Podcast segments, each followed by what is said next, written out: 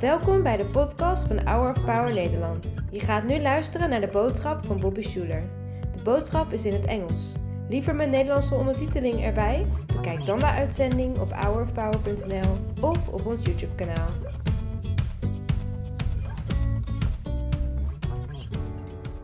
Many of us, we have Christmas Day memories from when we were a kid. And we remember them being some of the happiest moments of our childhood life or even adult lives. Uh, you might have a few.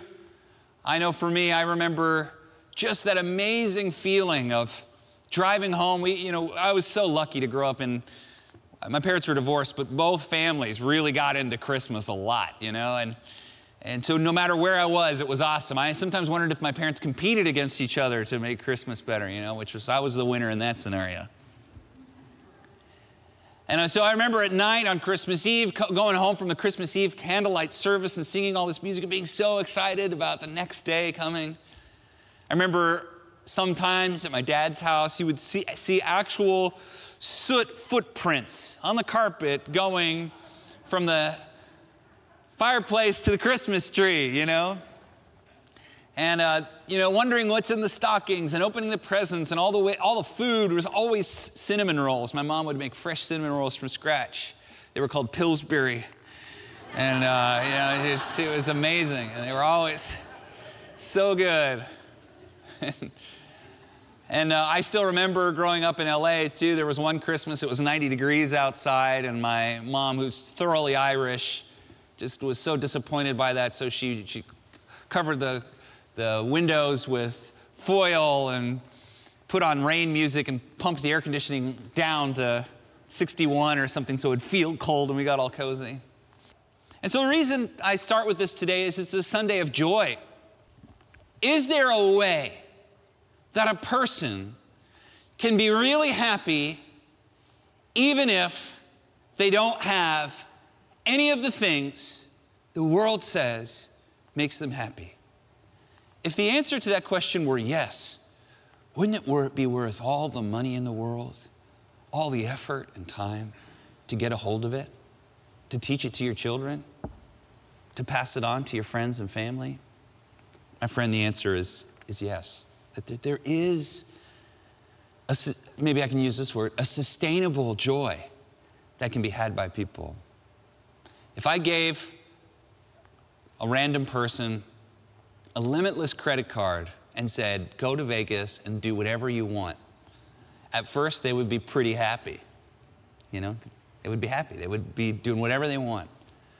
But given enough time, if he said, you can be there forever, you can do whatever you want for as long as you, you want, I don't know how long it would take, but eventually you would find one of the most miserable, peop- miserable people on earth. Is there anybody here that disagrees with that? Maybe. In a year, two years, would we find a happy man or woman? I don't think so. There's something, there's something that we can have, even if we're sick, even if we're poor, even if we've been betrayed.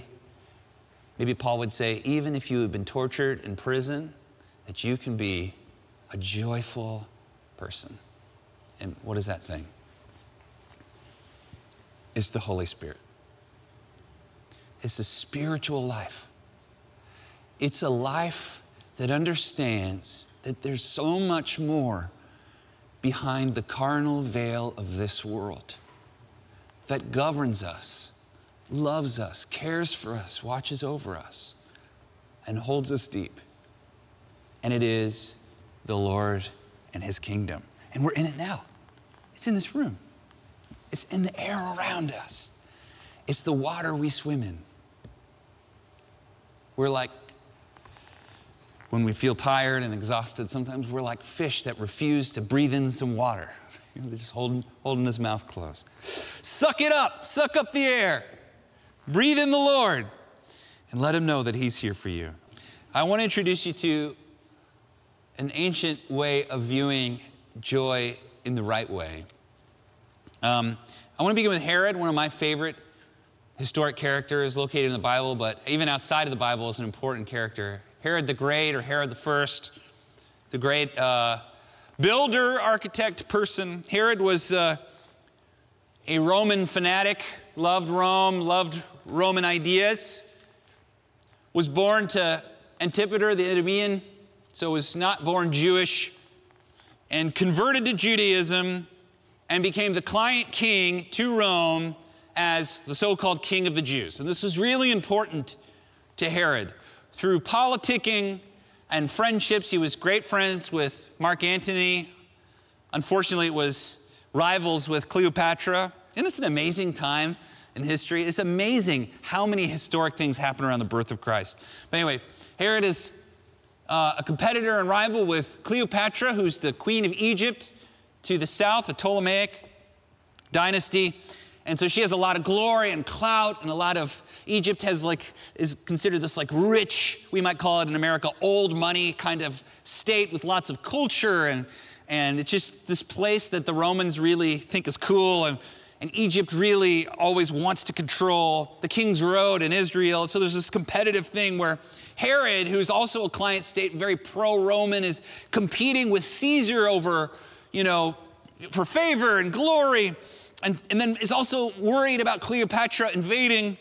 And so he builds this network of amazing palace fortresses in a time when this wasn't very common. If you go to Europe in the medieval age, you see a lot of this kind of thing, you know, fortress castles that are also palaces. But for Herod, it's, it's not completely original, but it's very clever that, that, that there are fortresses that can withhold a siege, but they could last like 10 years and you could, and it still has a swimming pool, you know? and there's like, you know, 10 years worth of veal and wine. And so he builds some amazing things and gets a lot of validation from it. We all, all, many of us know that he's the one who really expanded the temple and made it into the great temple. He expanded it to the north and did all this marble and many different amazing building projects. But the, the three you'll see today in Israel that are incredible. Uh, the first is famously Masada, which is near the Dead Sea. This would have been the first big impregnable fortress that Egypt would have faced coming north into, into the Levant. You can't really see much here. I should have picked a better picture, but this is what it looks like today. But you can kind of see if you go down the front here, there's like a, a fortress with three palace levels going here, and uh, almost impossible to take. Of course, the Romans did it, it took them years. He built uh, Caesarea Maritima, or Maritime named it after Caesar. This, this is Herod's palace. Here, that's his swimming. Can you tell us the swimming pool on the top left there? I think Herod liked swimming. I don't know. He might have been a fun guy to hang out with. Probably not. But anyway, gorgeous palace. You can see that today. And then also, and the most important one for this story, the Herodium, which is Herod's main place he lived, three miles from Bethlehem on a tell. So just look around. I mean, how far is three miles in the distance? Probably that mountain in the distance is more like 10 miles, right? And so Bethlehem in, in those days was three miles from this place where Herod lived most of the time. And what you would find anywhere you went to these great things, you would find Herod and his family crest, Herod, king of the Jews. Herod, king of the Jews. Herod, king of the Jews, huh? Herod, king of the Jews. This was really important to Herod because Herod wasn't a, a Jew. What? How do you become king of the Jews and you're not even Jewish? Well, he converted and he married a Maccabean princess. The Maccabees were the king, the actual kings of the Jews, that, where the Hanukkah story comes from, for like, I forget it, was 150 years or something. But as a Jew, convert, was ruthless, immoral to the bone, paranoid, always seeking more glory and fame. When the Sanhedrin was talking about his moral decisions, he had a lot of them wiped out, cleaned out, and replaced. When he placed in an unkosher way a giant golden eagle, which is a symbol of Rome, on top of the temple, and a bunch of Jewish disciples protested. He had them all executed. Killed multiple family members.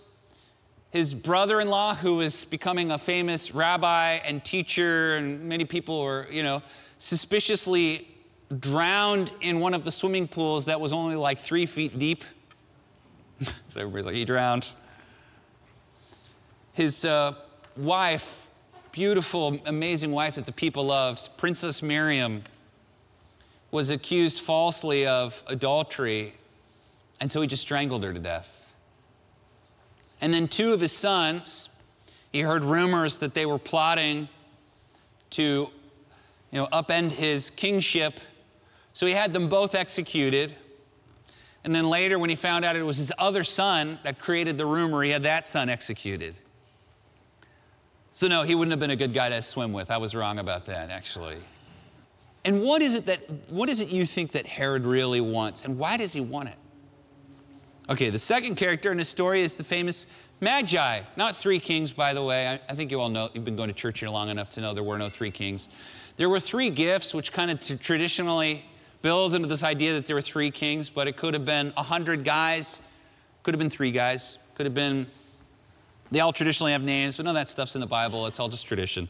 And maybe it's true, I don't know. But what we do know is that the Magi obviously came from the east, could have traveled as far as 2,000 miles. Pro- I always think they're Jewish, actually. They're Jewish from Babylonia, and they're leftovers from Daniel's era when they're returning back to Israel. But they might not have been. They could have been Zoroastrians, they could have been some other religion or something. But the way they would have been experienced in those days would have been representatives from the great empire to the east. And they would have been looked at as like mad scientists, actually. They were thought of as wizards, they would read the stars. So when they would come to a place like Israel, they're just enshrouded in mystery. They would have been seen as educated edu- educators and just holders of mysteries and histories and all that type of thing. And so when they would travel, it wouldn't have been three guys, it would have been like Aladdin coming into Agrabah, a menagerie of animals and wealth and people and some soldiers and they follow this star, whatever that means, into the great city of Jerusalem.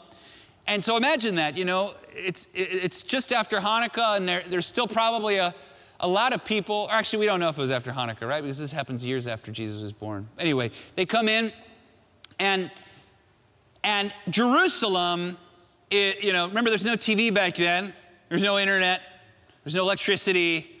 Most people before 1930 were bored most of the time.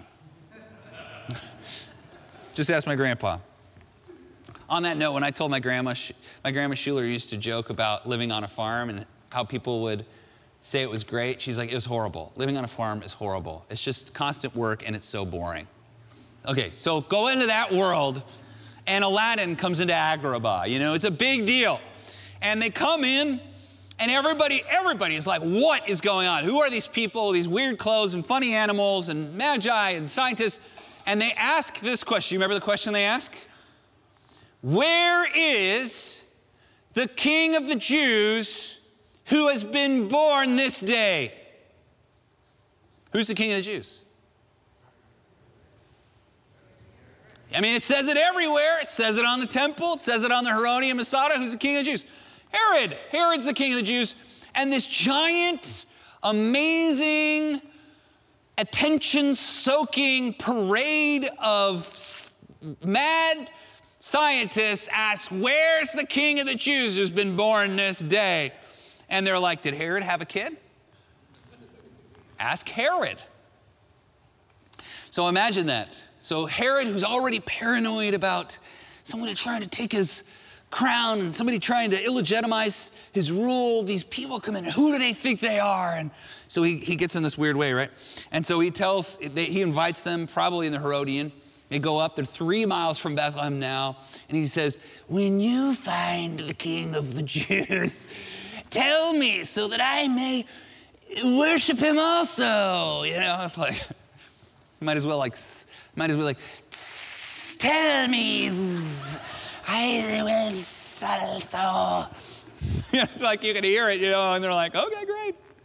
So obviously they're warned and they know. And I just want to say this that, that when, when they found Jesus in Bethlehem, which would have been a village of like 300, 400 people, very small, one horse town, kind of like those little towns that have a blinking yellow light when you go through. Can you imagine the party they had? The celebration? They're bringing gold and frankincense and myrrh, which is like incredible wealth. But more than that, there would have been food and celebrating and, and joy. And you know who wasn't there? The fake king of the Jews, Herod. He was up in his Herodium. He could probably see the party happening from three miles away. He could see the lights. Maybe he could even hear it, probably not. But he wasn't there. He was cloistered up, an isolated shell of a man in old age, living a paranoid, calcified life, keeping people out, trying to control every outcome, joyless.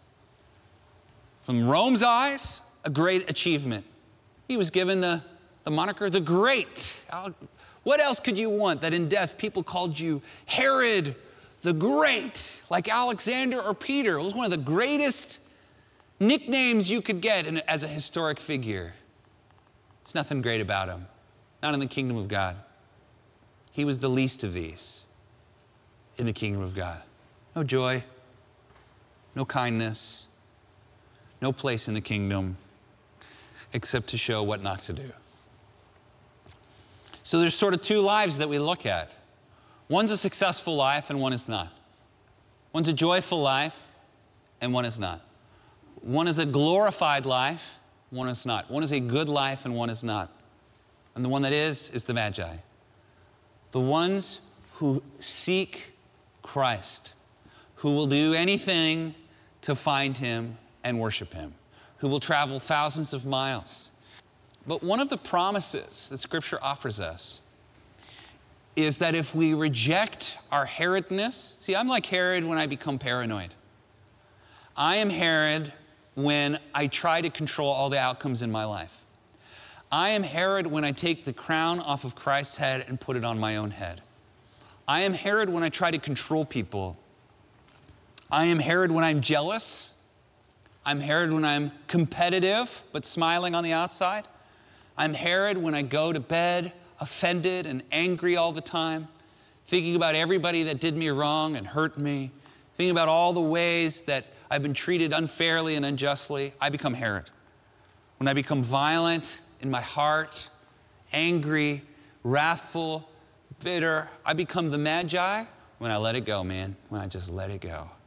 And I take the crown off of my head and I say, I'm not a king, I'm just a Magi. There's, there's no three kings.